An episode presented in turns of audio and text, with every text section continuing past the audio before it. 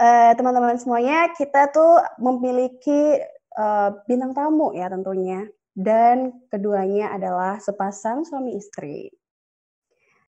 Ya. Jadi um, tidak berlama-lama lagi, kita mau um, memperkenalkan para bintang tamu kita malam hari ini. Yaitu ya. ada Kak Milhan, Kak Handik Santoso, dan istrinya, yaitu C. Melani Lasa. Wede. Halo. Dan juga ada Halo, Kak halo. Iton Liu. Aku maaf ya kalau salah menyebutkan. dan Kak Suari Anggri Siburian. Oke. Okay. Okay. Halo semuanya. Bisa dinyalakan? Jadi, oh, jangan lupa audionya, audionya. Uh, oh. Iya. Hai. Halo, halo, halo. Jadi um, mereka ini adalah sepasang suami istri uh, dari kota yang berbeda-beda ya, dan juga alumni binaan hmm. di pelayanan masing-masing gitu. Nah, jadi gimana nih kak, kak Berman? Apakah hmm, sudah siap kan. untuk mewawancarain dua pasang oh. suami istri ini? Saya siap, siap, siap. Yang tidak siap tampaknya sinyal saya gitu kan ya. Iya. Mohon maaf ya Pak Iya, saya tadi sempat menghilang. Saya pikir saya oke okay, gitu kan. Ternyata sinyal saya tidak baik gitu. Iya. Oke. Okay. Kita akan mulai ngobrol-ngobrol barengnya ini ya. Pertama nih kepada uh, kedua pasangan ini gitu ya. Dulu waktu mahasiswa kepikiran nggak sih akan jadian dengan teman pelayanan? Ayo, siapa, siapa yang mau jawab? Dulu waktu mahasiswa kepikiran gak sih nanti aku akan uh, jadian dengan teman pelayanan gitu kan? Iya, yang yang saat ini menjadi pasangan hidupnya pasangan gitu ya. Ya kan nggak mungkin. Gak kepikiran, gak kepikiran pasti kan. Gak kepikiran. Kalau karena karena gimana? Kalau, kalau aku dulu kan memang karena nggak kepikiran juga memang akan terlibat aktif di pelayanan waktu awal-awal. Jadi ya dan uh, kriteria yang ada di ladang pelayanan kurang sesuai dengan kriteria yang ada. oh, gitu ya, kriteria ladang pelayanan kurang sesuai dengan kriteria pribadi ya. Oh, gitu ya. Oke. Oke. Ini kalau kalau kalau kalau Cici kita panggilnya Cici aja ya. Iya, iya. Panggilan. Kalau Ny Cici atau Nyonya Milhan gimana? Dulu kepikiran nggak? Sama sih, nggak pernah kepikiran bakal sama dia juga sih. Karena kalau dalam kan kita kayak kucing dan tikus kan, nggak pernah ada kesesuaiannya. Oh. Dari dulu mikirnya nggak mungkin deh ini jadi pasangan kayak gitu aja sih. Oh gitu Jadi ya. nggak mungkin. Ya. Ini dari satu pasangan. Mari kita bertanya pada pasangan yang satunya. Gimana menurut kalian berdua? Waduh, kalau apa punya pasangan di lingkungan pelayanan tuh kayaknya kok nggak kepikiran ya. Bahkan ya kepikiran punya pasangan aja waktu itu kayaknya enggak deh. pesimis, pesimis banget ya. Iya, jadi maunya belum belum kepikiran sampai segitu aja. Jadi memang ya ya emang nggak kepikiran apalagi di apa di tempat pelayanan karena ya sama sih kayak Milan dulu dulu awalnya nggak kepikiran untuk pelayanan sama hal nggak ada kepikiran untuk pelayanan sih sampai ya ada ada momennya lah waktu itu ya kalau nggak tahu istri saya gimana ini sama sih enggak sama sekali karena ngerasa dulu kan nggak layak ya jadi pelayan gitu sampai suatu waktu ada kesempatan dan akhirnya bisa melayani gitu sih yeah. ini berarti apa pribadi-pribadi yang merasa hina untuk terlibat pelayanan gitu ya bisa dibilang gitu ya.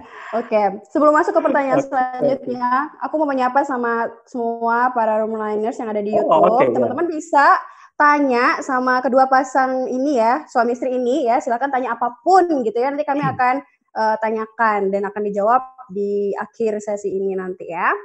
Nah, aku pengen tanya lagi sih, ada nggak hmm. proses PDKT gitu di antara kakak-kakak ini? Karena atau karena sudah dekat di pelayanan, jadi nggak perlu PDKT, tinggal nembak aja gitu.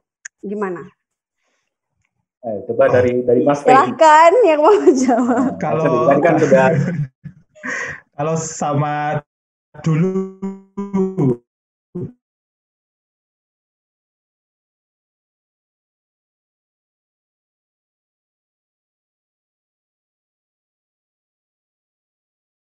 pacar saya dulu ini pelayanannya tuh di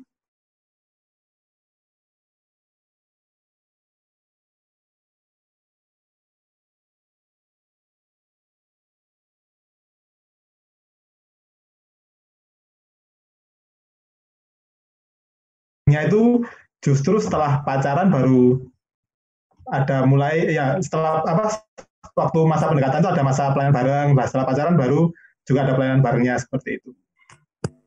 Oh, begitu. Jadi nggak ada ya. PDKT ya? Iya. karena pelayanan gitu ya? Gimana gimana? Sorry. Uh, Tapi ada ada PDKT nggak sih? Pelayanan gitu. Ada PDKT nggak sih? PDKT, PDKT, PDKT. PDKT kan? Iya, setahun. Hmm, iya, iya. Kira langsung nembak. Gitu. Iya. Oh. Oke, jadi ada masa pendekatan selama satu tahun. Kalau Kamilhan sama Kak Cici gimana?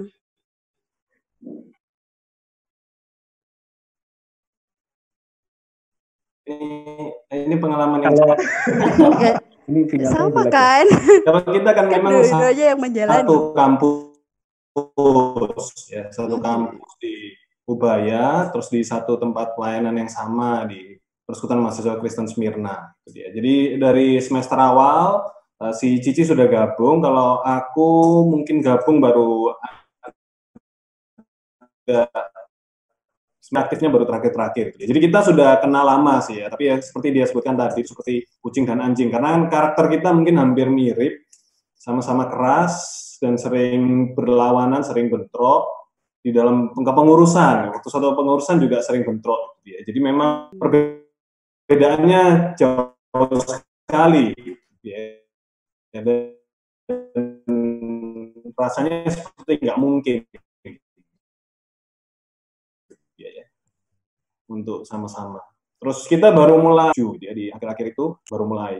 Hmm. Tapi kenalnya sudah lama, jadi pendekatannya nggak terlalu banyak gitu. Karena kan kita sudah sering berjumpa di dalam pelayanan, sering lihat gimana karakternya, sering melihat gimana cara pelayanannya, sikapnya bagaimana, gitu ya. Dan itu baru baru semester 7 itu terus hanya beberapa bulan pendekatan eh, tiga bulan ya tiga bulan terus setelah itu sama-sama untuk uh, menjalin relasi bersama. Oh tiga Oke, bulan PDKT-nya. Kalau Kak VG dan Kak Suari tadi satu tahun ya. Ayo. Panjang ya. Baik. Panjang. panjang panjang ya. Nah kalau gitu nih apa yang membuat tertarik pada pasangan masing-masing gitu kan ya. Kan kalau tadi Kamilan bilang seperti kucing dan anjing waktu itu di pelayanan. Kalau KPG kan baru kenalnya ketika uh, sesudah apa ya, ketika terlibat pelayanan Peggy di kita sebut saja lah Peggy di UAKK, Suari di PMK Maleaki gitu kan ya. Karena status urusan pelayanan maka kenal gitu kan. Nah, yang membuat tertarik itu apa? awalnya kan layanan. Apa yang membuat tertarik? Siapa yang mau jawab? uh, ini, ini Bapak, Bapak pacaran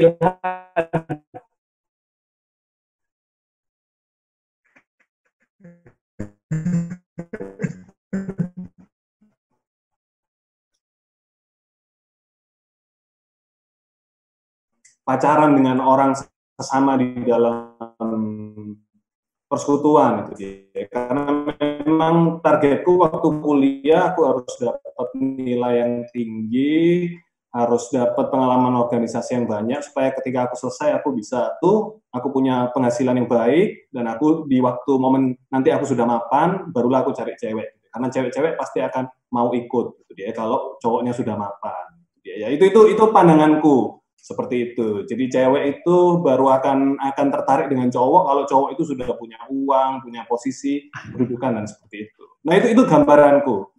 Nah di di momen-momen waktu aku di semester semester akhir sebelum kuliah selesai itu ada terjadi pembaharuan pola pikir gitu dia ya pembaharuan untuk pertobatan pola pikir pola pikir yang tidak tepat itu dia jadi di waktu momen-momen itulah dia baru aku bergumul untuk melihat kriteria cewek yang tepat gitu ya. Jadi kalau aku melihatnya dari Cici begitu dia karena dia sederhana, dia susah apa siap untuk hidup susah dan karakternya juga kita punya hal yang sama begitu ya, punya persistensi yang sama, terus kita punya impian yang sama, punya landasan basis yang sama begitu ya di dalam urusan pelayanan. Apalagi waktu itu aku sudah jelas bergumul untuk jadi uh, staff full time, ya. sehingga kriteria-kriteria awal itu jadi hal yang penting.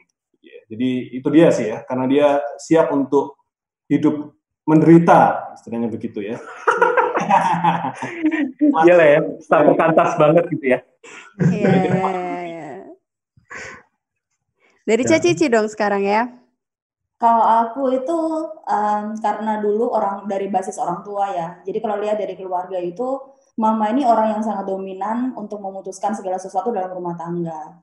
Nah pada saat itu akhirnya uh, aku terus berpikir gitu ya, aku harus mencari laki-laki yang hanya ada dua pilihan sih. Yang pertama dia harus lebih dominan dari aku, artinya bahwa dia yang akan mengatur aku. Atau yang kedua ya dia harus tunduk sama aku gitu ya. Jadi artinya ya bisa di apa ya, ya harus harus menjadi seorang pemimpin untuk mengambil keputusan. Nah pada saat melihat mama uh, pada saat itu melihat bahwa aduh kalau perempuan yang menjadi pemimpin atau yang mengambil keputusan itu cukup melelahkan begitu ya.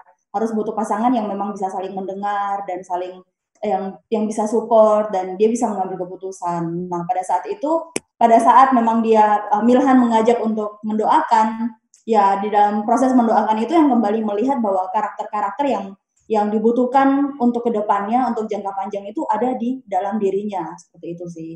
Dan kan memang melihatnya juga dari proses waktu di dalam pelayanan kita camp kan bareng ya. Jadi semua jelek-jeleknya tuh ya sudah kelihatan pada saat di situ gitu kan. Biasanya kan nginep bareng-bareng gitu kan. Jadi sudah ngelihat model-modelnya ya sudahlah nggak apa-apa lah kalau memang harus sama dia kayak gitulah. Oh, iya. Jadi ya itu yang akhirnya ya kenapa harus mengiyakan pada saat itu gitu sih. Harus mengiyakan ya. Harus mengiyakan. Enggak terpaksa kan. Tidak ada pilihan yang lebih. Harusnya bukan Oh. jadi jadi Milhan dulu kriteria orang Kristen itu nggak masuk dalam kriterianya dia sekarang masuk gitu ya. Hmm, bisa gitu ya. Kriteria bisa berubah ya. ya berubah karena di dalam Kristus gitu kan ya. Iya, iya, iya. Nah kita akan dengar jawaban dari pasangan yang satunya lagi. Silahkan Bapak. Wah itu kalau menjelaskan sedetail itu nggak nggak terlalu bisa ya gue ya. Tapi yang jelas memang karakternya sih. Jadi kalau kalau jadi uh, setelah sepanjang ya sepanjang setahun pergumulan berdoa, yang terasa memang sangat bakal sangat akan akan membantuku itu soal karakter sih. Jadi aku ini modelnya tipikal yang uh, mimpinya banyak, imajinasi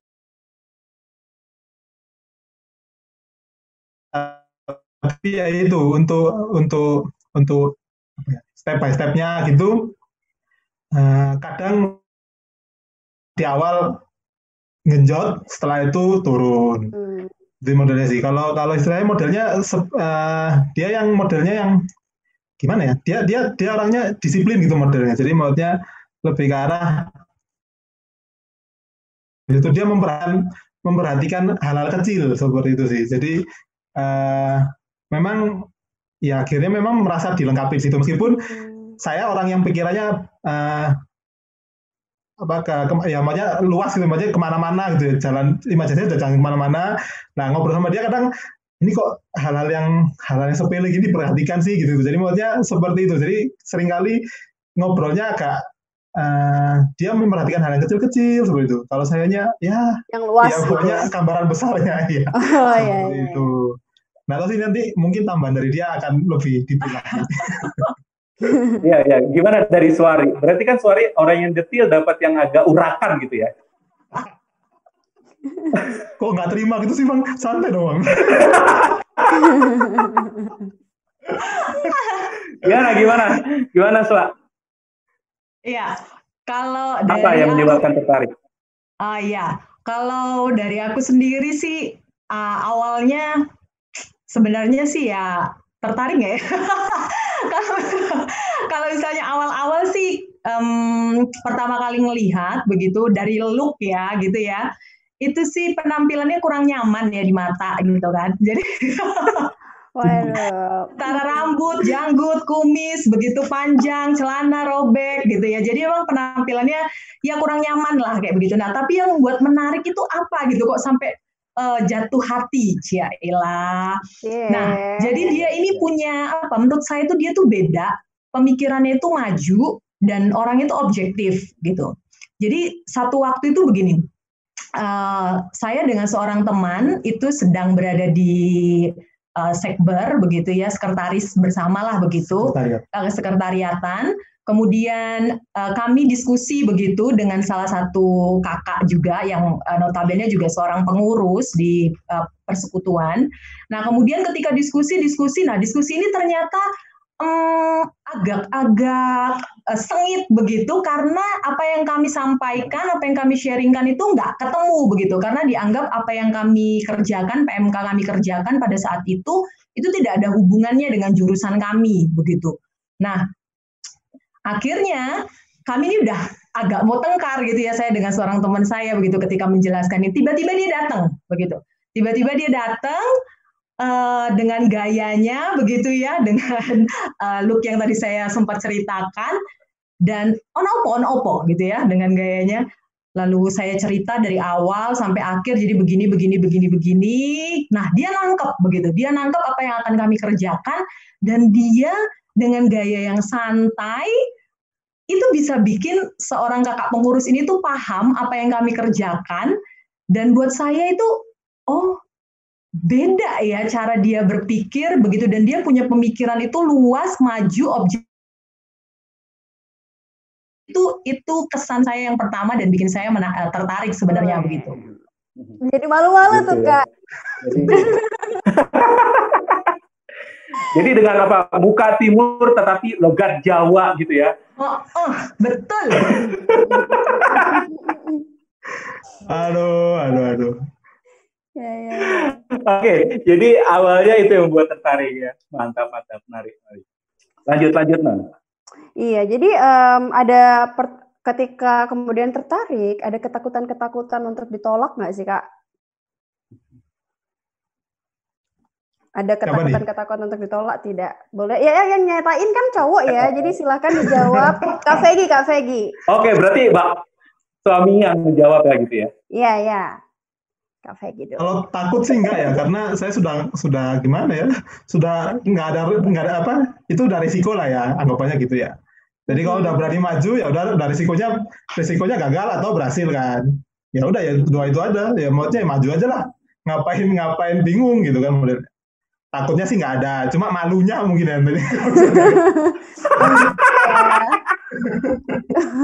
uh, sekali nembak tapi langsung diterima ya kak ya? Enggak dong. Oh enggak. ada masa di mana ditolak? Makanya satu tahun.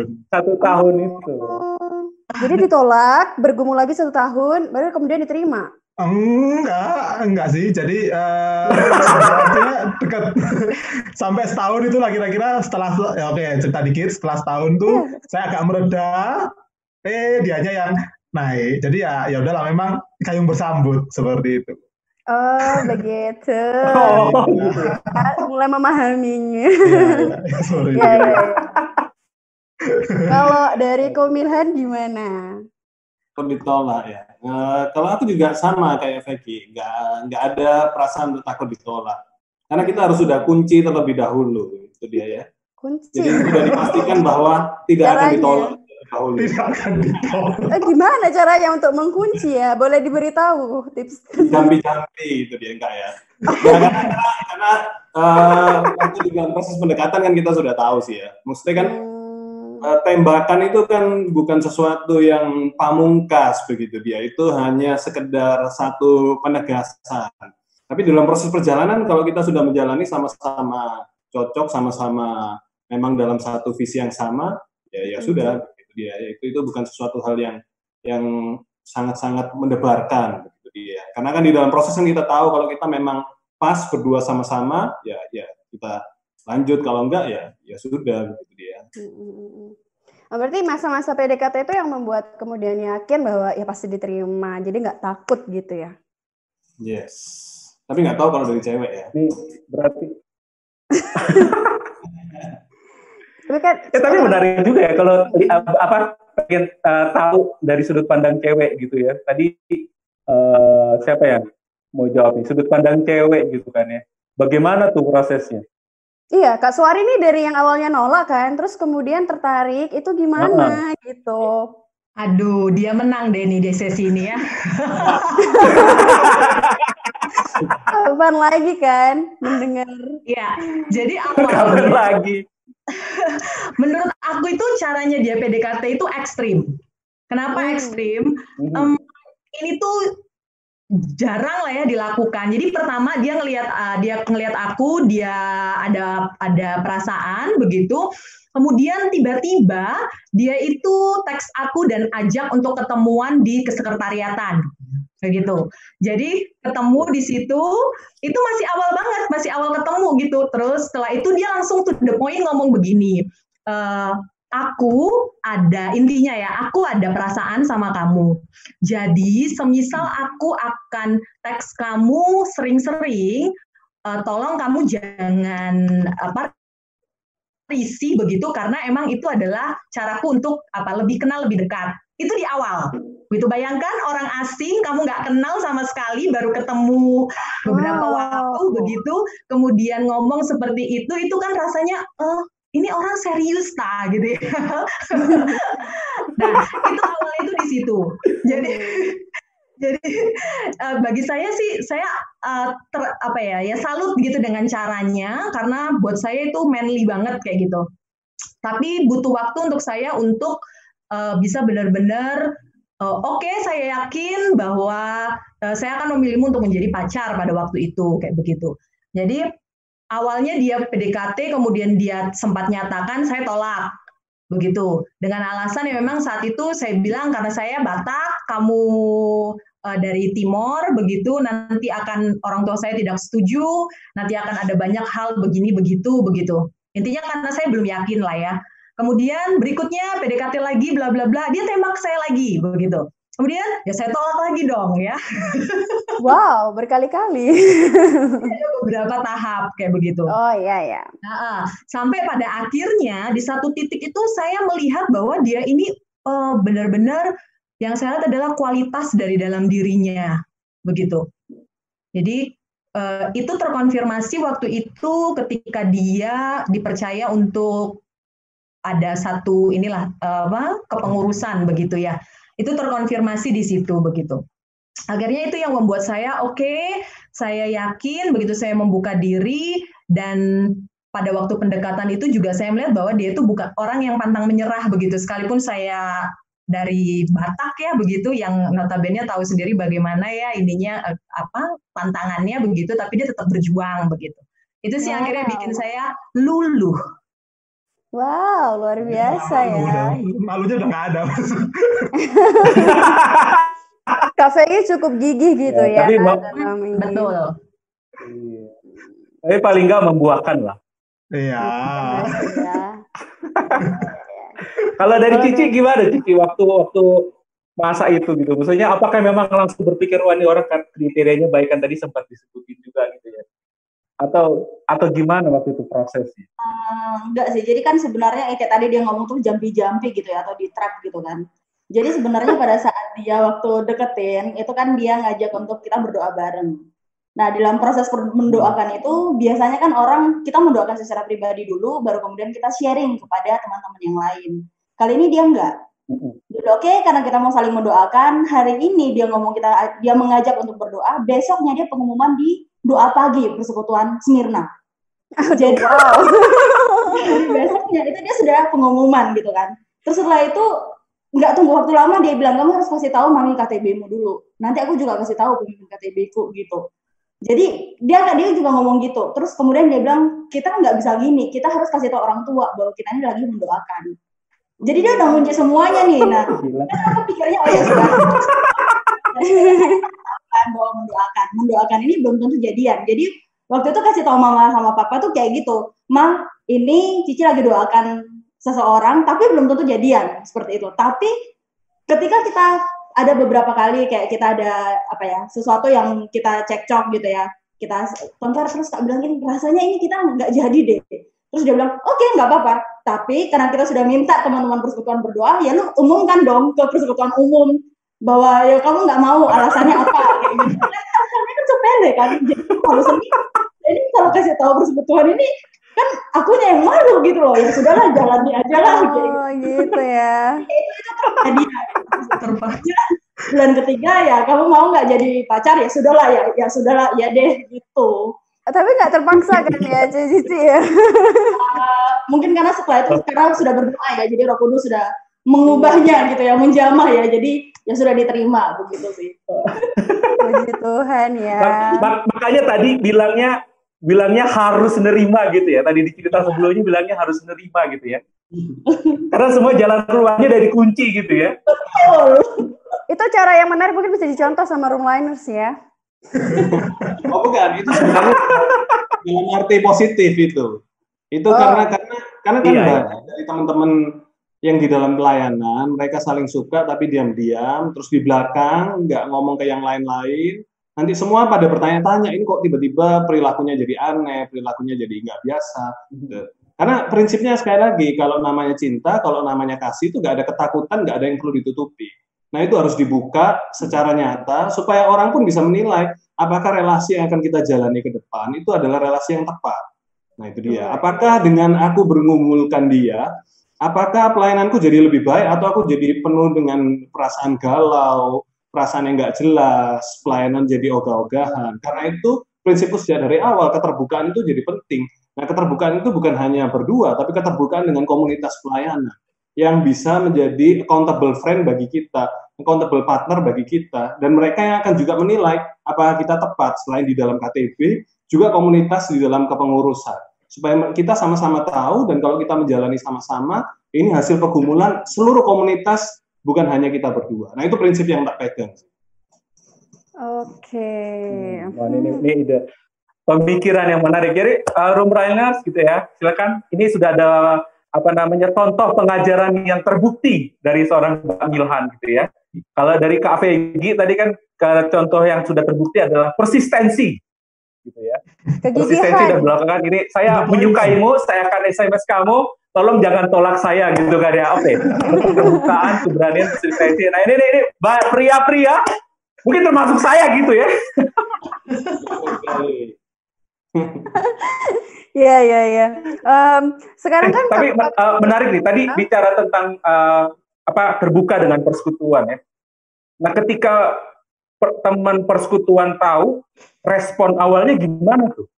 Apakah ada yang mencibir atau oh, bilang uh, atau setuju atau ada yang memberikan uh, apa ya komentar-komentar negatif secara diam-diam gitu kepada salah satu dari dari pasangan? Coba dari dari Milhan dulu deh. Dari keluarga Pak Milhan.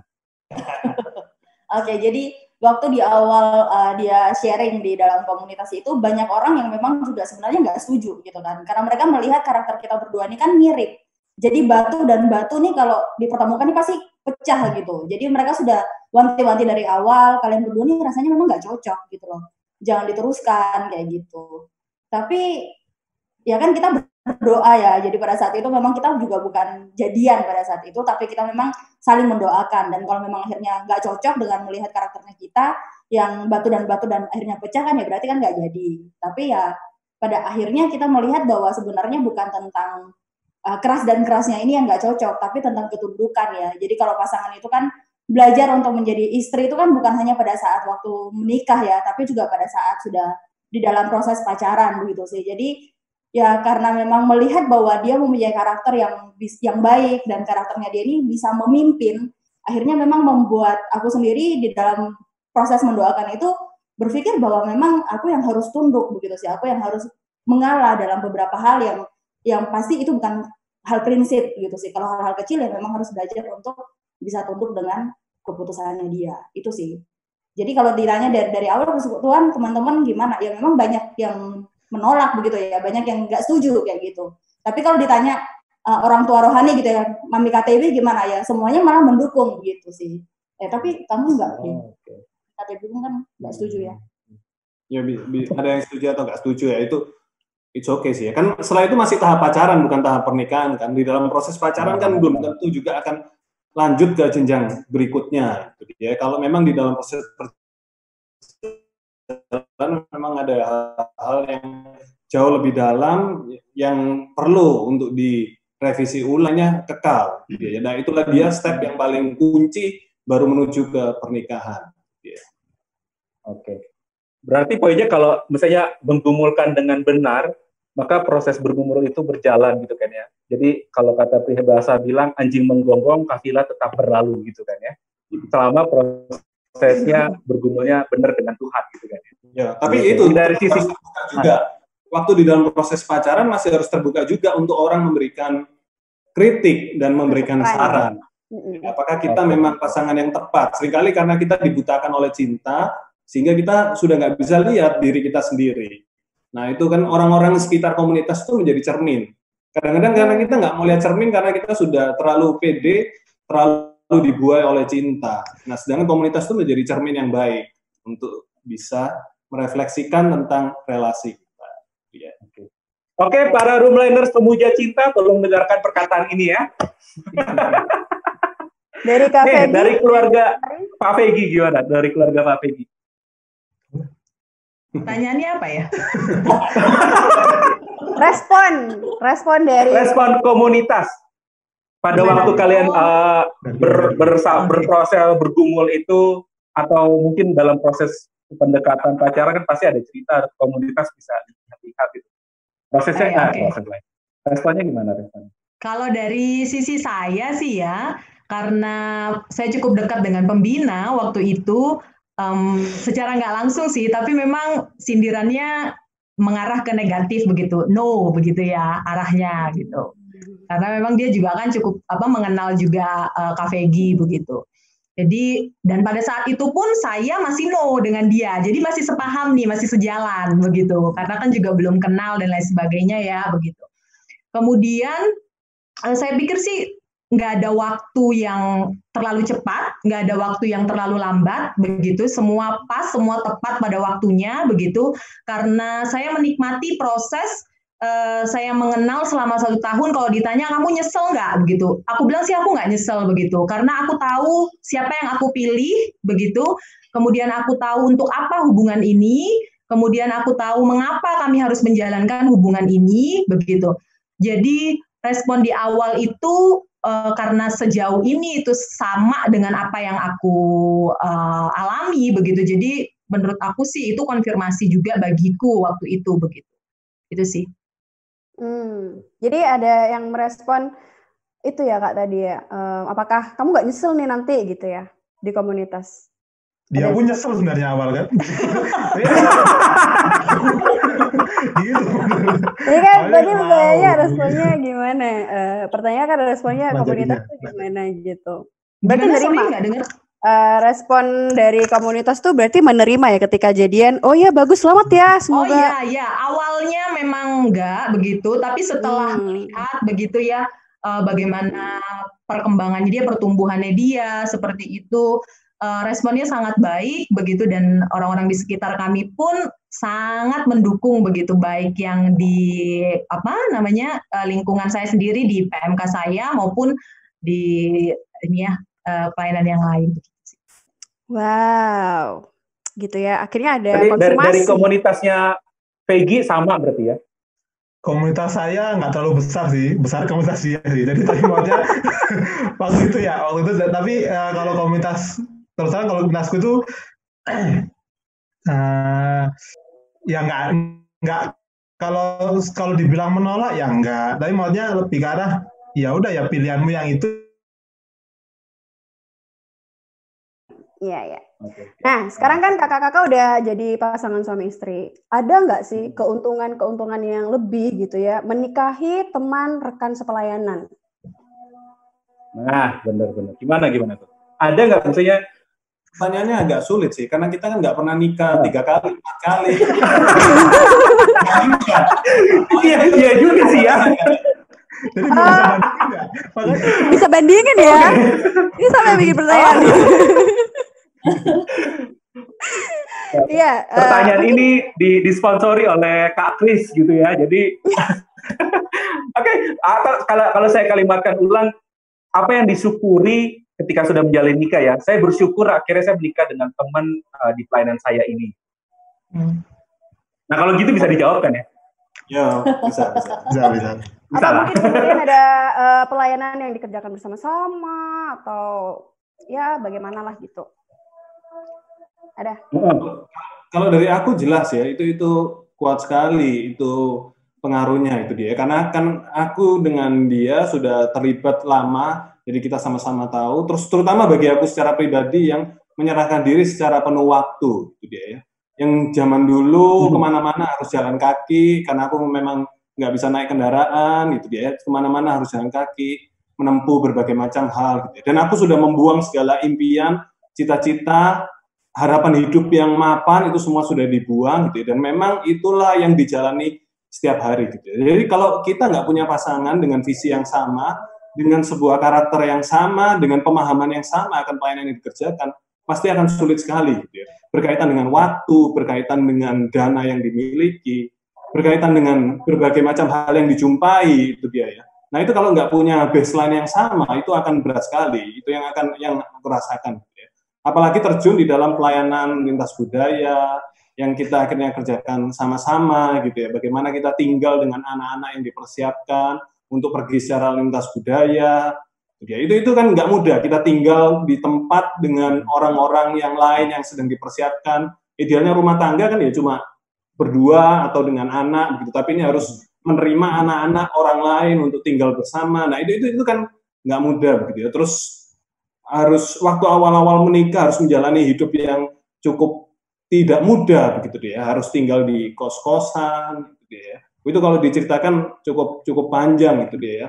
Kos-kosannya yang waktu hari pertama masuk setelah hari pernikahan nggak ada atapnya di lantai dua gitu ya. Dan kamarnya kita di lantai masuk itu dia ya. Seperti begitu. Itu itu itu real life gitu yang harus di dijalani. Kalau nggak menemukan orang yang sama-sama seperti kriteria awal waktu aku tetapkan siap menderita hidup yang sulit itu dia ya dan aku dari awal kan sudah ngomong dengan dia gitu ya. Maksudnya itu itu kamu siap gak suatu saat kalau misalnya aku jatuh miskin, terus aku memang di penjara, mungkin seperti itu gitu ya. Ekstrimnya seperti itu, gitu ya, mengalami sulit.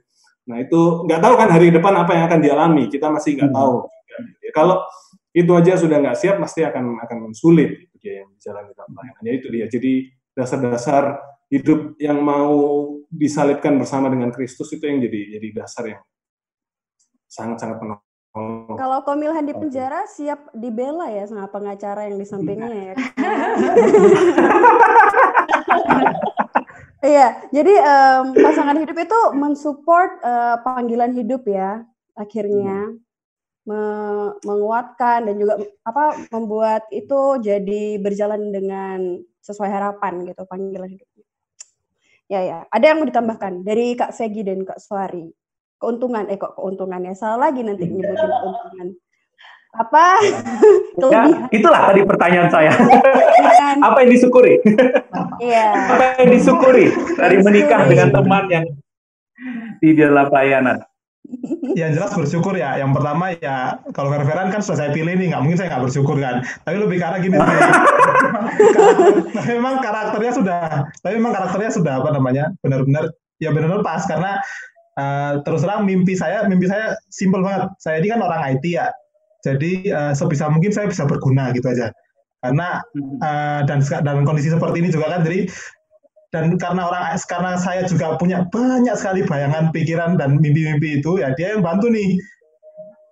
Pelan-pelan satu-satu satu-satu dulu satu-satu. Nah itu. Jadi uh, gimana aku bilangnya? Jadi ya memang uh, karena sudah didoakan, sudah dikumpulkan dengan benar, arahnya jadinya lebih jelas gitu. Dalam artian uh, dapat yang juga tepat, yang sesuai untuk nantinya mendukung mendukung kita berdua dalam menjalankan misi yang sudah Tuhan Tuhan tetapkan seperti itu sih.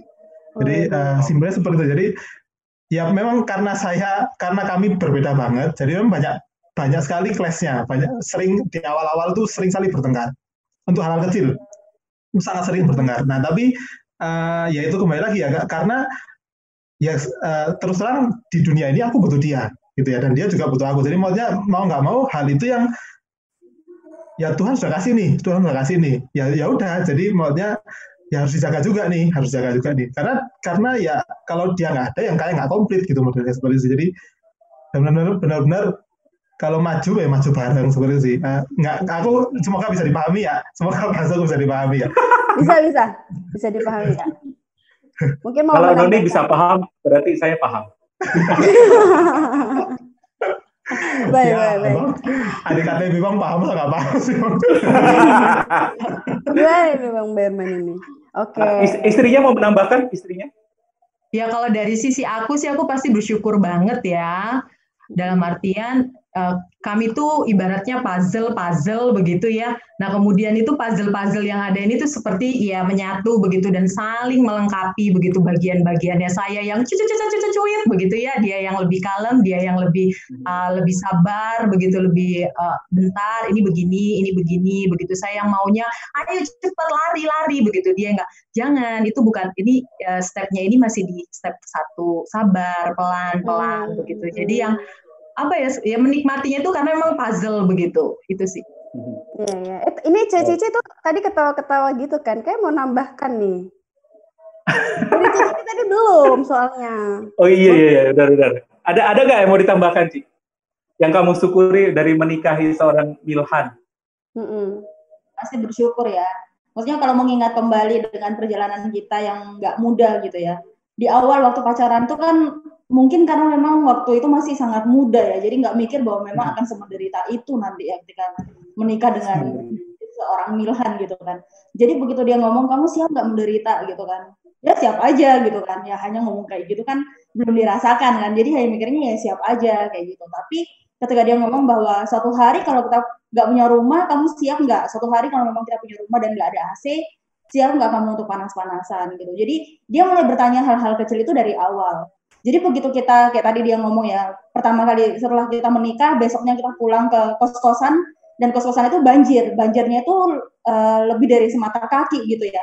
Jadi harus ngambil apa sapu harus ngambil apa ya maksudnya itu sudah capek ya jadi itu pulang itu dalam kondisi malam dan orang kosnya ini nggak kasih tahu yang punya kosnya ini nggak kasih tahu bahwa atapnya itu lagi diperbaiki atap itu langit dan belum belum di apa ya belum dipasang uh, plafon. ya plafon hmm. dan dan banjir begitu posisinya. Jadi mau nggak mau ya kita memang tidur di situ dengan terpal ya jadi ada terpal di atasnya akhirnya dibuat terpal dan kita harus serok airnya kayak gitu. Nah hari itu tuh rasanya tuh hari itu pengen nangis aja gitu ya.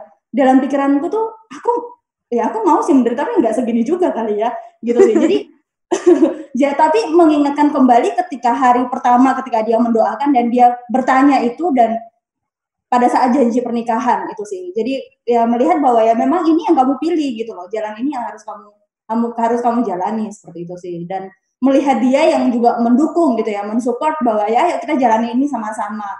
Ya kesusahan ini ya kesusahan bersama-sama seperti itu. Jadi itu juga yang melihat bahwa ya aku nggak salah pilih gitu, aku nggak salah pilih dengan pasangan yang hari ini aku hidup bersama-sama dengan dia. Banyak lah ya yang disyukuri gitu ya akhirnya. Mantap. Pertanyaan Oke, ini kita udah banyak nanya nih, Bang. Kita udah oh, banyak iya. nanya nih. Waktunya kita uh, mengumpulkan pertanyaan dari para roomliners sekalian gitu ya. Jadi hmm. para roomliners sekalian, silakan uh, ketikan pertanyaannya yang tidak tiba-tiba terpikirkan gitu kan. Ya. Kita sudah ada beberapa pertanyaan yang terkumpul. Silakan ketikkan nanti saya bukan saya, kami akan menanyakan kepada kedua pasangan ini. Iya, ada beberapa yang sebelum sudah... itu. Mm -hmm. uh, sebelum itu kita ada kuis, kuis. Yeah, jadi kuisnya. Jadi apa kuisnya, Kak Noni? Jadi kuisnya itu teman-teman kalian tuliskan gitu ya kisah cinta kalian yang paling menarik Lalu itu bisa jadi kisah cinta penolakan atau kisah cinta yang bahagia. Silakan tuliskan kisah cinta kalian yang nyata loh ya, ini bukan fiksi gitu ya. Silakan tulis lalu kirim di DM Instagram Perkantas Jatim. Cerita yang paling menarik akan mendapatkan buku Sacred Search. Tahu kan itu buku yang cukup ini ya populer gitu ya dan ratingnya paling tinggi kayaknya di literatur Perkantas Jatim gitu. Jadi ada dua buku buat dua orang pemenang, tapi um, ongkos kirim itu dibayar oleh pemenang ya teman-teman. Bukunya aja yang gratis, oke? Okay? Ya.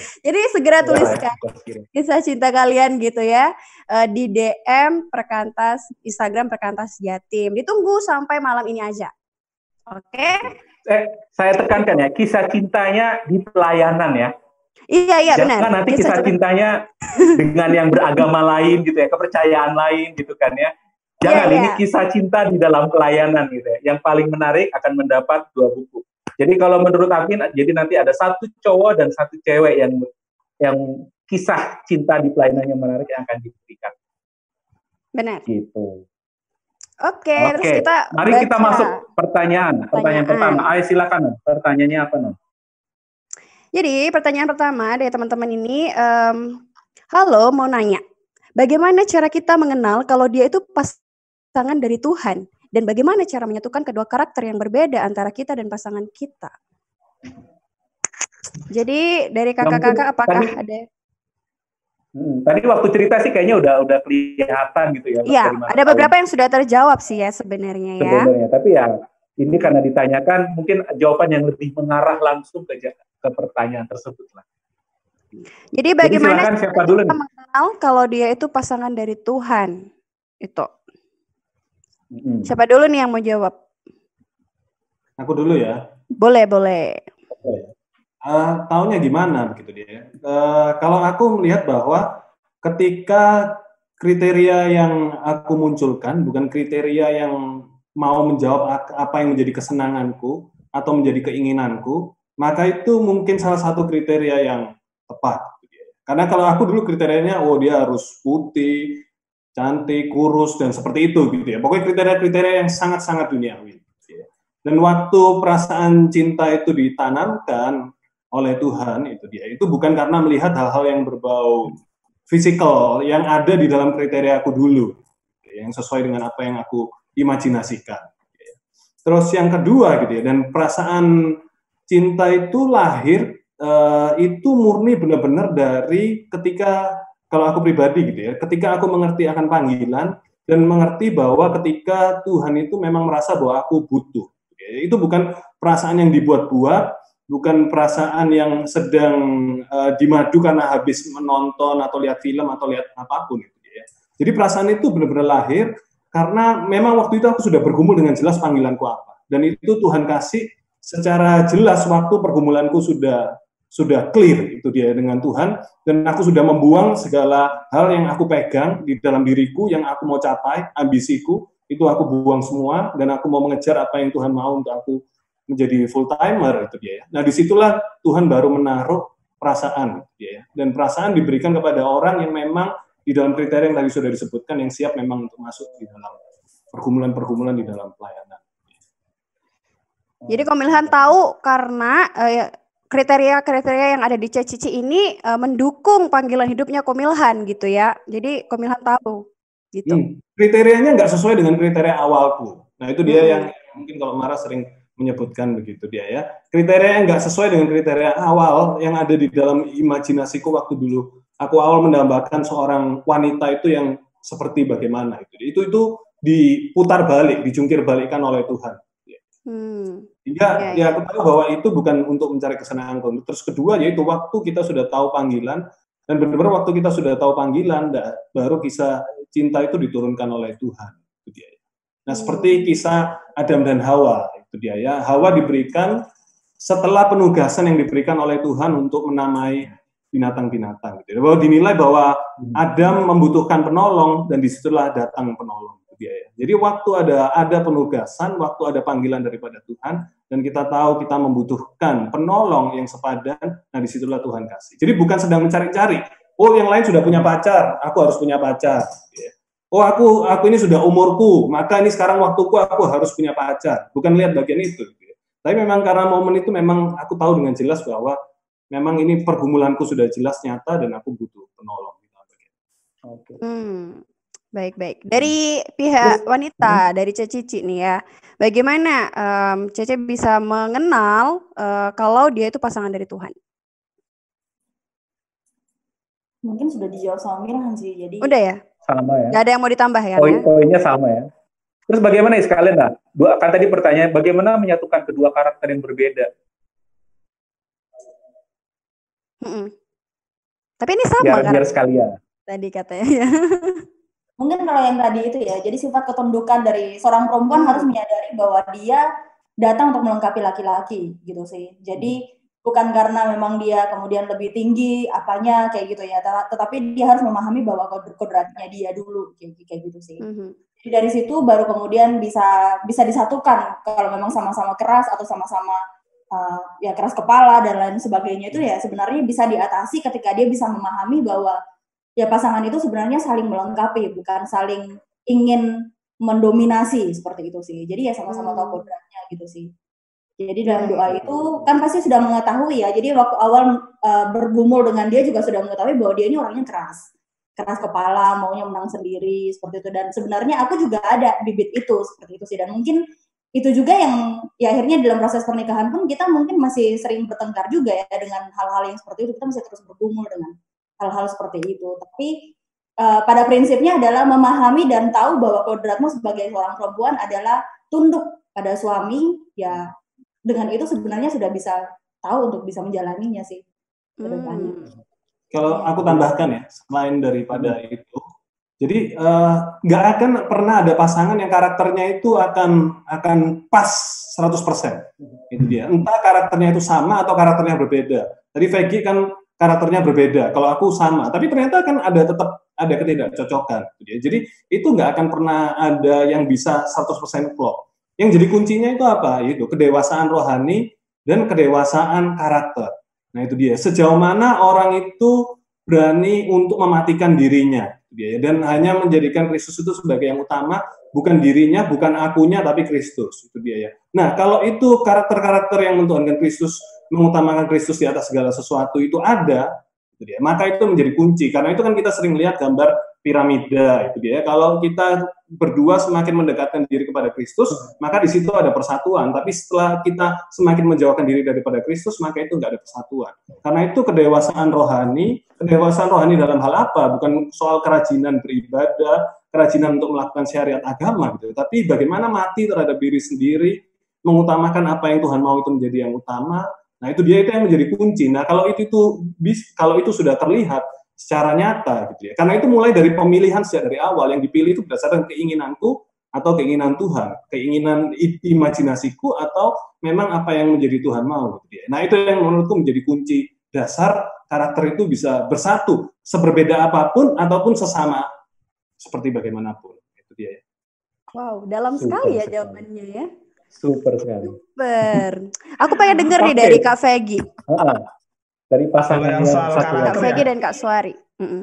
Kalau soal karakter sih sebenarnya ya kembali lagi yang disatukan sebenarnya bukan karakter. Yang disatukan tuh visinya sih. Jadi maksudnya kalau kalau sevisi, kalau punya tujuan yang sama, ya udah ntar karakternya harusnya yang ngalah. Jadi kayak katanya Milan tadi sih, maksudnya ya kalau Tuhan sudah kasih ini, kamu harus ke sini, kamu jangan ke sini. Ya udah ya maksudnya itu yang jalanin. Ketika karakter kita menghambat menghambat kita untuk mencapai tujuan itu ya ya kita harus ngalah. Kita yang harus harus terus introspeksi introspeksi seperti itu. Jadi lebih ke arah yang disatukan seharusnya bukan karakter. Kalau kita fokus menyatukan karakter, ya itu ntar akan capek sendiri. Tapi kita harus fokus nih, tujuannya kita ke depan seperti apa. Kayak gitu sih mungkin ya. Terus pertanyaan pertama tadi apa ya? Lupa. Iya, jadi bagaimana, bagaimana bisa tahu? Cara, mm -mm, tahu bagaimana bisa tahu Tuhan. kalau dia yang dari Tuhan. Uh, terus terang kalau bisa tahunya itu uh, justru lebih unik sih. Jadi maksudnya kalau kalau aku terus terang kenal dia nggak terlalu lama, tapi aku bisa entah gimana bisa yakin banget bahwa dia yang cocok untuk nanti ke depan karena dia yang aku butuhkan seperti itu. Jadi uh, entah entah gimana itu. Jadi itu aku pun nggak bisa menjelaskannya seperti itu. Jadi benar-benar aku bisa aku bisa tahu bisa tahu dia seperti apa bisa bisa bisa benar-benar paham kondisi karakter karakter dia seperti apa itu dalam waktu nggak terlalu lama se sejak aku berusaha PDKT seperti itu jadi uh, ya memang seperti oke okay, jadi kalau kalau soal panggilan memang aku aku sudah fix memang aku pasti pasti akan terjun di dunia IT seperti itu nah dia bukan orang IT dia orang ekonomi jadi ketika ketika kalau arah ke IT dia dia benar-benar akan ini apaan sih gitu ya. Tapi ternyata uh, kalau kalau akhirnya aku memilih dia itu bukan karena dia nggak dia tahu IT dia pintar dan sebagainya bukan. Tapi karena dia yang akan membantuku untuk bisa mengarah ke ke tujuan yang ke tujuan yang sudah Tuhan kasih seperti itu. Dan di awal itu aku benar-benar benar-benar dapat banget bahwa oh ya ini ya maksudnya karakter seperti yang aku butuhkan seperti itu sih. Jadi ya uh, semakin semakin lama semakin kami pacaran tujuh ya enam, tujuh atau enam tahun seperti ya oh. pernah hampir putus, eh, sudah, sudah putus, pernah putus, tapi setelah itu ya ya karena memang sudah saling menerima, sudah sudah benar-benar sudah benar-benar cocok dan sudah benar-benar ya udah satu satu tujuan seperti itu ya ya balik lagi. Akhirnya kembali akhirnya kami balikan lagi dan setahun berikutnya kami sudah menikah. Jadi memang sudah sudah memang sudah benar-benar yakin sih akhirnya seperti itu. Karena ada kesamaan visi dan misi gitu ya. Boleh ditambahkan mungkin kak? Suari sudah cukup. Nah ini ada pertanyaan. Kalau Kak Suari uh, sudah cukup gitu ya, ada pertanyaan khusus untuk Kak Suari. Mau tanya untuk Kak Suari nih ya. Bagaimana cara mendapatkan restu orang tua Batak kalau pasangan kita beda suku? Wow, Gimana, super sekali pertanyaan. Kayaknya banyak yang ngalamin nih Kak. Ceritain. Dari bos. Apa-apa? Pertanyaan dari host, host yang mungkin nulis juga itu.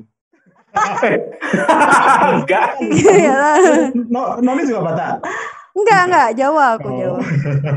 Enggak ini Saya pertanyaan ya, dari Roomliners ya, Kakak. Oh, dari YouTube, dari YouTube. Iya. Kalau udah kayak gini puyeng lah kalau mikirin pertanyaan lagi gitu. Jadi pasti bukan dari kami lah itu. Kayak gini ya, kalau orang Batak itu punya satu semboyan begitu, Boruni Raja. Nah, Boruni Raja ini apa begitu? Jadi seorang wanita itu dia harus punya semacam uh, apa ya ya kalau bisa dibilang pride ya pride lah ya tapi seorang wanita itu nggak boleh murahan gitu ya nggak boleh mauan jadi nggak mau cepet-cepet mau tuh jangan gitu ya agak jual mahalnya itu tinggi begitu kemudian uh, kita itu harus dalam posisi yang terhormat begitu ya nah itu itu uh, salah satu ininya Batak begitu Boruni Raja dan kita itu selalu dididik dengan itu nah kemudian akhirnya otak berpikir dong ya, ini satu pasangan ya bukan Batak begitu. Nah, gimana caranya? Nah, harus mau tidak mau dia punya nilai plus. Begitu. Dia, dia harus siapa, Kak? Dia itu siapa maksudnya? Uh, pasangannya, Pasangan. Iya. cowoknya. Oh ya, cowoknya. Dia harus punya nilai plus begitu yang uh, kalau misalnya mau dibanding-bandingin begitu dengan orang Batak, kita harus punya strategi dong di awal, ya kan? Kita kan udah kenal nih keluarga kita, tipenya seperti apa, begitu kan? Nah, jadi akhirnya kita harus berstrategi juga di awal. Oke, ketika uh, saya bawa dia ke keluarga, jangan bawa pada saat masih kuliah. Satu. Ah. Ya, Dengarkan ya, yang, para roomliner. Ya. Strateginya gitu ya. Saya sabar banget, karena saya lulus 7 tahun. Jadi sabar banget. Luar biasa. ya, Terus, yang kedua lanjut. gitu ya. Um, bawalah pada saat dia sudah bekerja. Kenalkan ketika sudah bekerja. Begitu. Nah, uh, kemudian yang ketiga uh, datangi begitu atau mulai mulai disounding ke keluarga-keluarga yang kira-kira netral. Hmm. Oke, okay. hmm. nah jadi di keluargaku ada yang adiknya papaku menikah dengan orang Jawa. Hmm. Jadi aku PDKT dong ke situ. Biar dapat dukungan gitu ya? Ha, gitu hmm. jadi. nah dari dia itu ketika kita saya datang begitu ke dia, Kemudian dia kan nanti uh, walaupun kita nggak tahu ya, udah udah uh, omku itu juga akan ngomong ke keluarga, oh baik kok calonnya begini begini begini. Kita nggak perlu uh, ngomong banyak begitu. Nah tapi om saya ini yang akan bawa ke keluarga begitu. Hmm. Udah udah dapat seperti itu, kita strategi yang lain gimana deketin yang hmm, ininya yang uh, bos-bosnya gitu ya. Nah ya sudah dari keras gitu ya. Bosnya pas uh, bapak tua saya karena papa saya sudah meninggal, jadi harus datang ke bapak tua yang paling kakak bapak saya begitu. Nah itu pas punya kesamaan profesi di IT. Hmm. Nah, jadi temukan apa ya? Temukan kesamaan-kesamaan itu juga penting begitu. Jadi ketika ketemu waktu itu, waktu itu um, kami ke Jakarta begitu bersama untuk membicarakan. Saya nggak bisa tidur di kereta ya benar-benar saya nggak bisa tidur. Itu rasanya kok cepet banget. Padahal kan waktu itu uh, kereta itu masih sekitar 12 jam ya kayaknya ya itu ya. Itu kayaknya nggak bisa tidur benar-benar takut gitu takut mau hadapin uh, hari hari esok gitu. Ini bakal ditampar nggak ya? Bakal diusir nggak ya? Gitu kan? Bayangannya seperti itu. Nah dia ini yang menenangkan begitu maksudnya tujuan kita datang itu baik, nanti juga aku bicaranya baik, ya jadi berpikirlah yang positif begitu. Nah, ketika datang itu responnya itu begini. Tugas orang tua ya itu mem, mendidik anak, membesarkan anak dan menikahkan anak.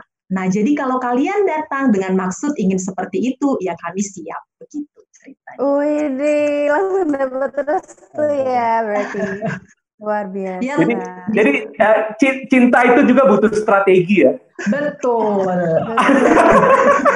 Tapi kalau Tuhan tidak mengendaki, saya diusir waktu itu. Jadi ya Tuhan juga mengendaki.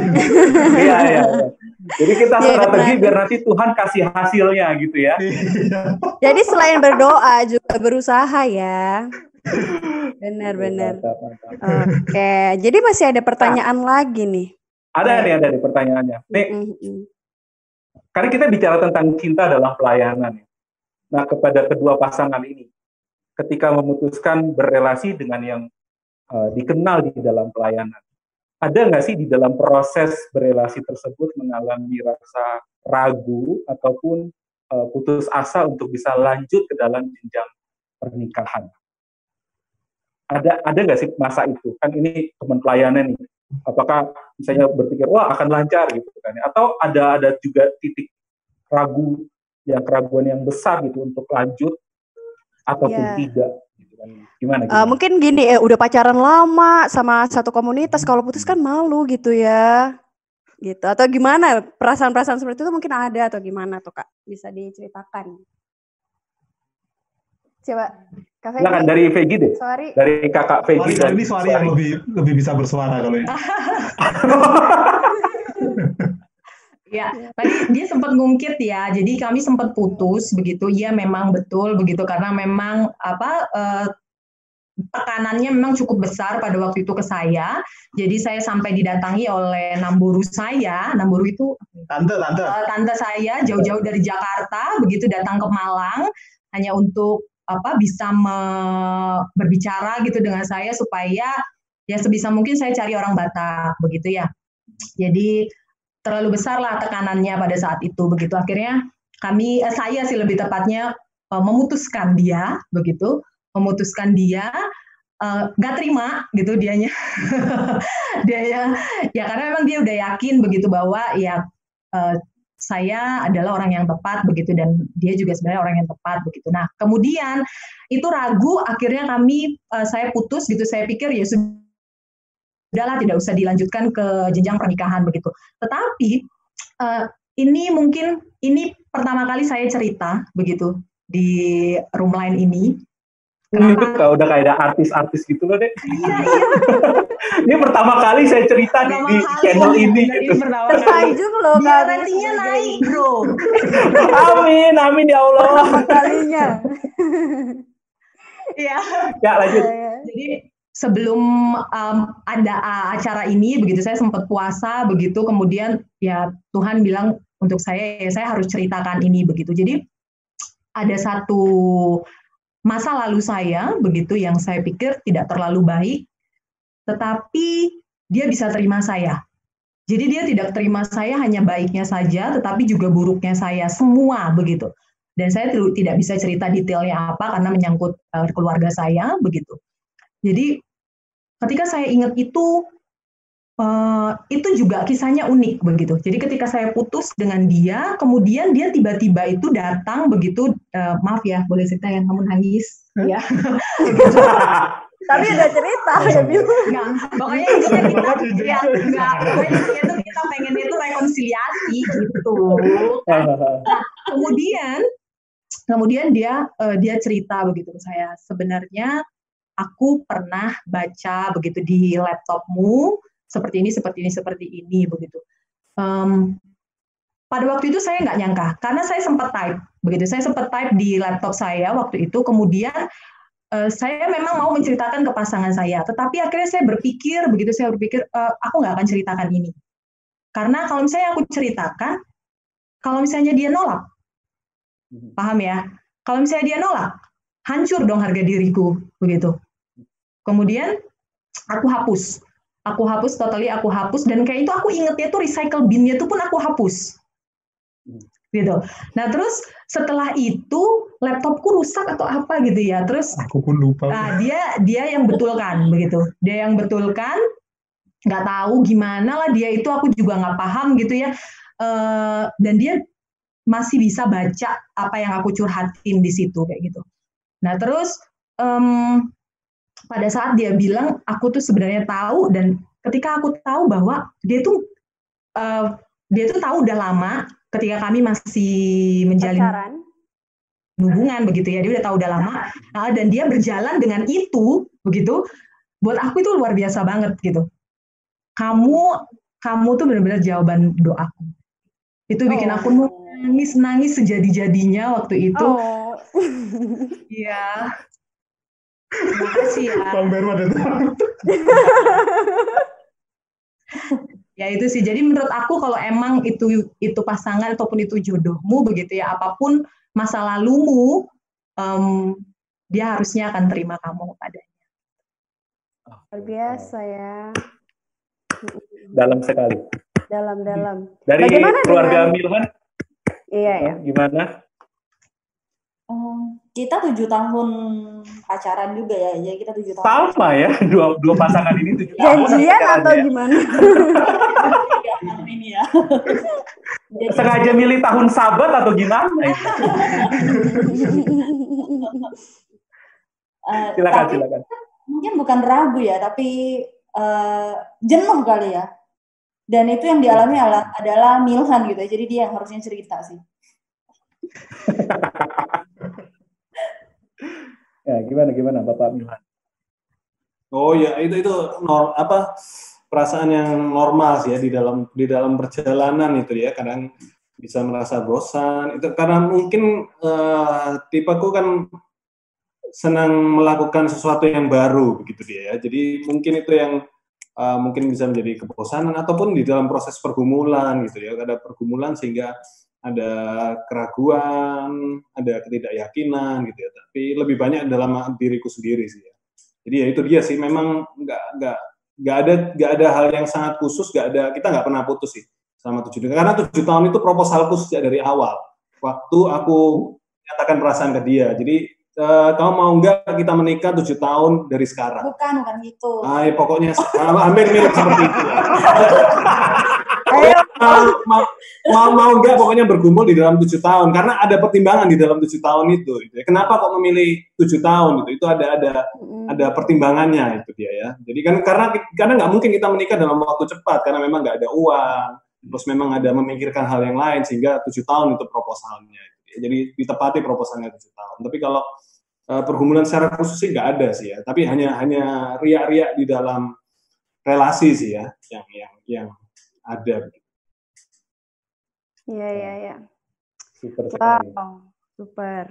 Jadi uh, ini nih kalau uh, para roomliners mendengar uh, perbincangan kita dari awal ini ini kalau benar-benar mendengarkan menyimak dengan baik saya pikir ada banyak hal yang bisa dicatat di dalam uh, pertama uh, mengejar cinta gitu kan ya.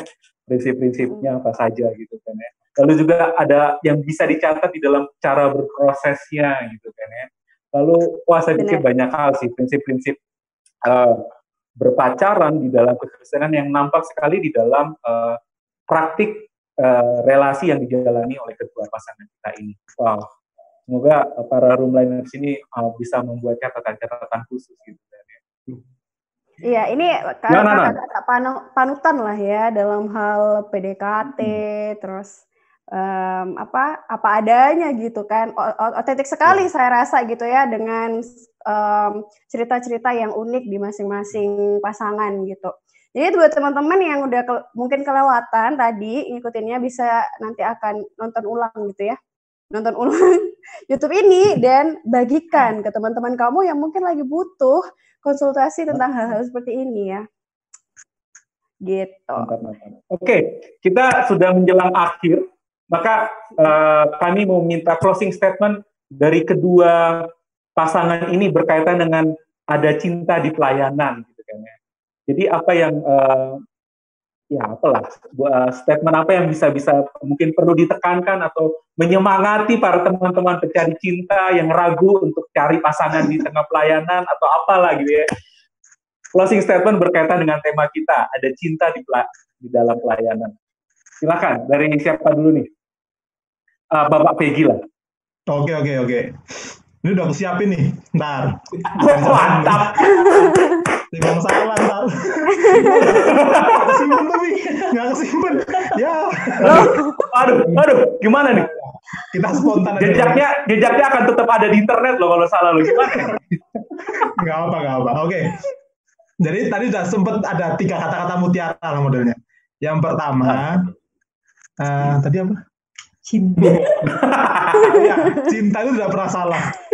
Cinta. Oke. Cinta itu tidak pernah salah. Yang pertama itu karena gini sih, maksudnya eh, dalam artian kalau misalnya ketika kita mendekati gitu ya, atau dalam artian kita mengumpulkan satu orang dan ternyata setelah mengumpulkan dan maksudnya sudah ngobrol nih, sudah sudah ketemu, sudah saling mendoakan dan gagal, itu jangan sampai eh, cinta kepada pelayanannya hilang. Karena justru kita itu sebenarnya mengumpulkan pasangan karena kita kita tahu nih tujuannya kita mau ke mana Tuhan sudah kasih apa ke kita baru setelah itu kita mengumpulkan pasangan ini. Jadi bukan cintanya yang salah nih.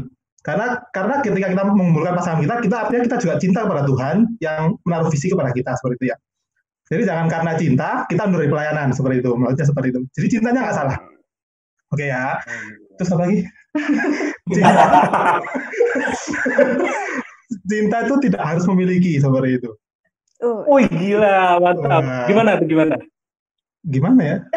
Ya sama sih.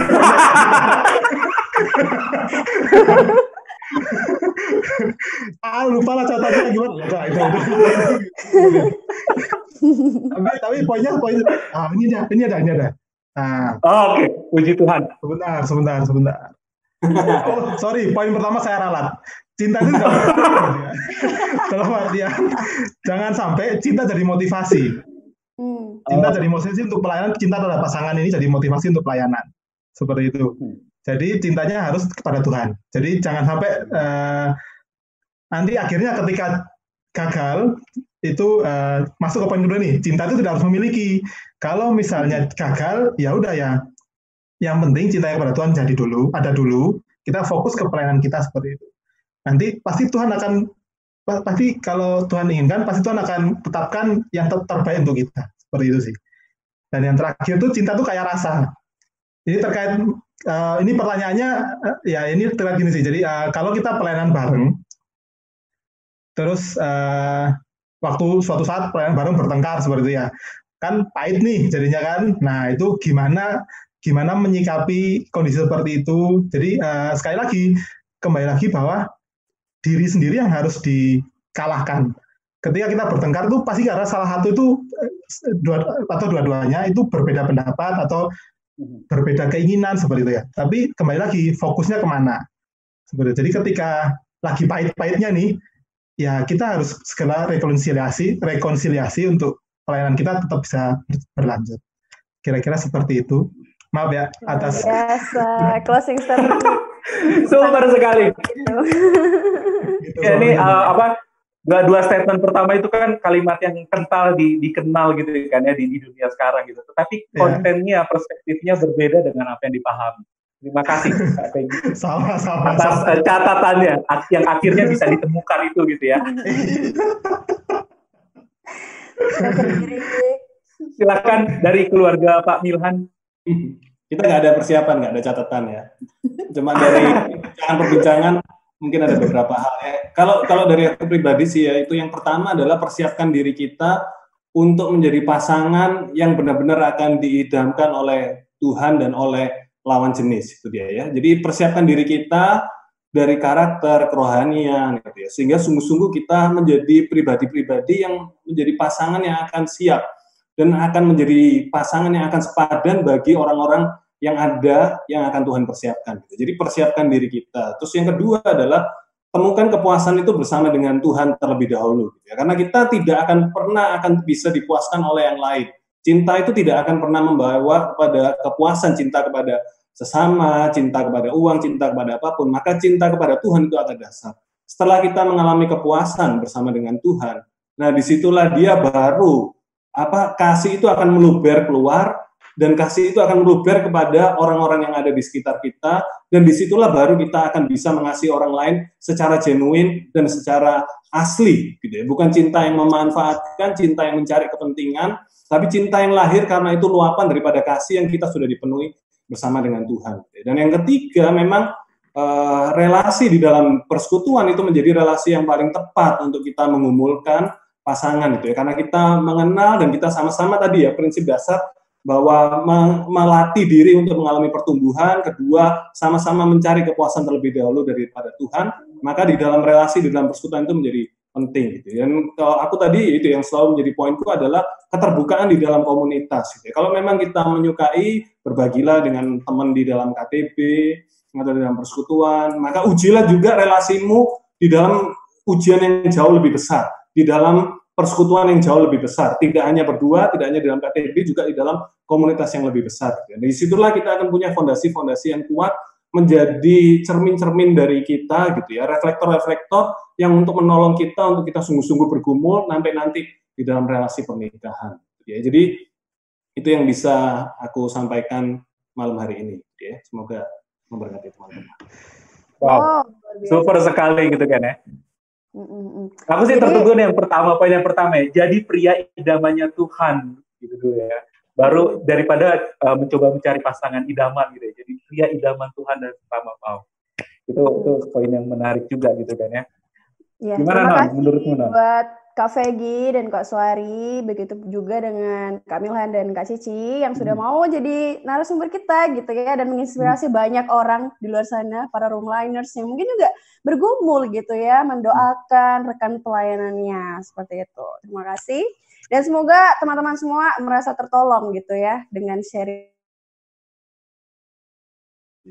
Oke. Okay. Terima kasih banyak. Terima kasih dan sudah, teman sudah berbagi sudah... kisah dengan kami semua gitu ya. Terima kasih banyak. Sama-sama Kak Berman, Kak Noni. Iya. Nah, ada pengumuman nih ya buat para roomliner semuanya. Hmm. Jadi uh, minggu depan uh, tentunya roomline, roomline akan datang lagi gitu ya di setiap hari Sabtu jam 6 malam dengan tema yang adalah jeng jeng jeng jeng memper, memperjuangkan perubahan gitu. Mm-hmm. Nah, di sini kita akan ngobrol sama para penggiat pendidikan yang ada. Nah, teman-teman ini pasti akan menarik sekali ya. Jadi dicatat ya. dan mari kita tonton Sabtu depan. Sabtu depan di jam yang sama, di channel yang sama, dengan uh, pemateri ataupun narasumber yang berbeda dan hostnya juga akan berbeda, gitu ya. Jadi teman-teman atau para roomliner sekalian, minggu depan kita ketemu lagi dan kita akan diskusi tentang memperjuangkan perubahan. Tetap iya. di channel yang sama. Dan jangan lupa untuk subscribe ya channel YouTube Perkantas Jatim dan juga follow Instagram Perkantas Jatim. Bagi kalian yang merasa uh, mendapatkan manfaat dari video ini, kalian bisa share gitu ya ke orang-orang yang membutuhkan gitu. Yep. Oh, mengingatkan lagi kuisnya jangan sampai dilupakan sharingkan ya. uh, kisah cinta kalian di dalam pelayanan. Kisah cinta yang menarik dalam pelayanan yang kalian punya, DM ke Instagramnya Perkantas Jatim. Paling lambat malam ini, nanti kita akan pilih yang menarik dan akan mendapatkan uh, satu buah buku. Uh, ada dua yang akan dipilih untuk mendapatkan masing-masing satu buku.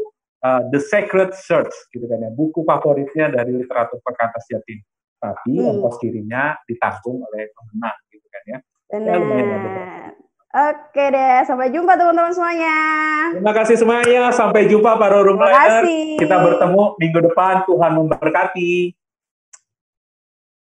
Dadah.